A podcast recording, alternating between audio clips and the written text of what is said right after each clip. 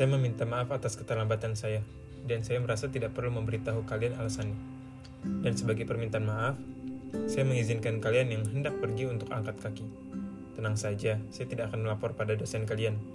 Ujar Laut sambil menyebarkan pandangannya ke para mahasiswa yang hadir. Melihat tidak ada satupun yang angkat kaki, Laut kembali mengulangi perkataannya. Saya nggak bercanda.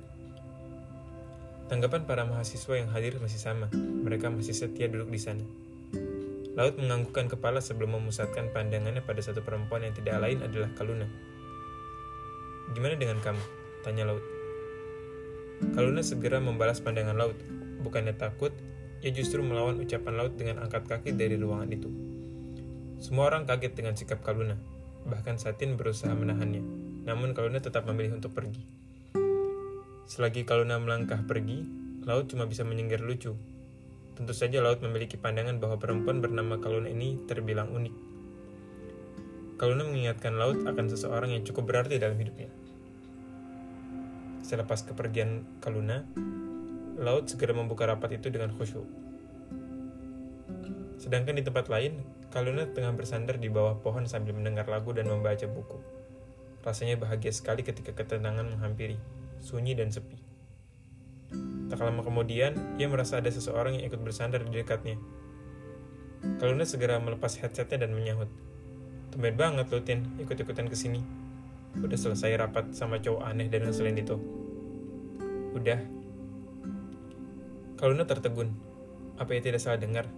Kenapa yang ia dengar malah suara cowok? Ia pun menoleh dan mendapati Laut sudah duduk di sampingnya sembari tersenyum. Lu? Ngapain lu di sini?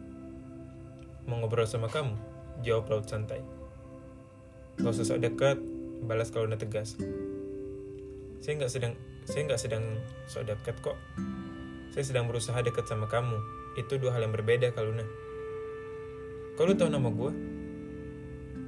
Kaluna segera mengetahui bahwa ini adalah kerjaan Satin. Merasa terganggu, Kaluna langsung memasukkan buku dan ponselnya ke dalam ransel dan pergi meninggalkan laut. Tidak kenal menyerah, Laut ikut berdiri dan mempercepat langkahnya dan berdiri tepat di hadapan Kaluna. Kaluna, kamu ada masalah sama saya?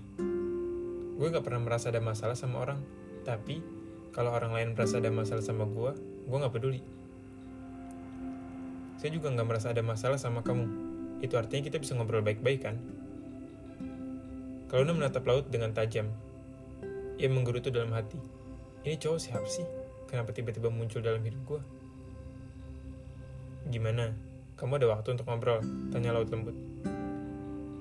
Ya udah, lu mau ngobrol apaan? Laut ingin sekali tertawa melihat raut wajah Kaluna saat ini. Raut wajah yang cukup menggemaskan.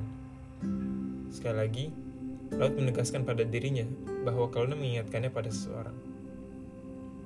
Ikut saya sebentar yuk, ajak Laut. Ke mana? Tanya Kaluna. Ikut aja, Lu jangan aneh-aneh ya, bentak Luna kesal. Laut tersenyum dan sedikit menunduk guna menyamakan tinggi mereka. Saya mau ajak kamu ke tempat di mana kamu merasa nyaman. Tempat di mana kamu gak akan ngerasa sendirian.